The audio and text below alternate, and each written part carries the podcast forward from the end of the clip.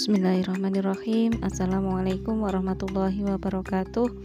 Sabtu 18 September 2021 Hari ini kami mendapat materi tentang pelayanan publik.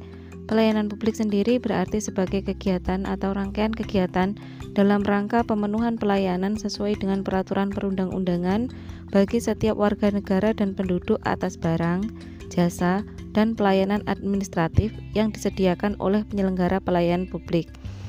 Ada sembilan prinsip pelayanan prima. Yang pertama yaitu partisipatif, yang kedua transparan, yang ketiga responsif, yang keempat tidak diskriminatif, yang kelima mudah, yang keenam efektif dan efisien, yang ketujuh akuntabel, yang kedelapan aksesibel, dan yang kesembilan berkeadilan.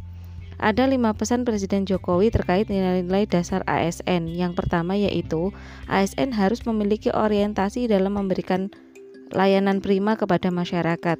Yang kedua, otoritas dan sumber daya yang dimiliki ASN harus digunakan secara akuntabel dengan loyalitas tinggi kepada pemerintah, bangsa, dan negara, serta menjaga kehidupan bermasyarakat.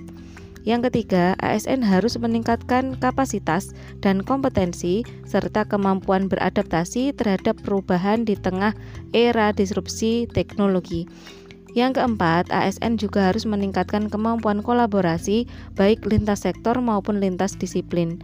Yang kelima, ASN tidak ASN terus bekerja sama dan menghindari adanya ego sektoral.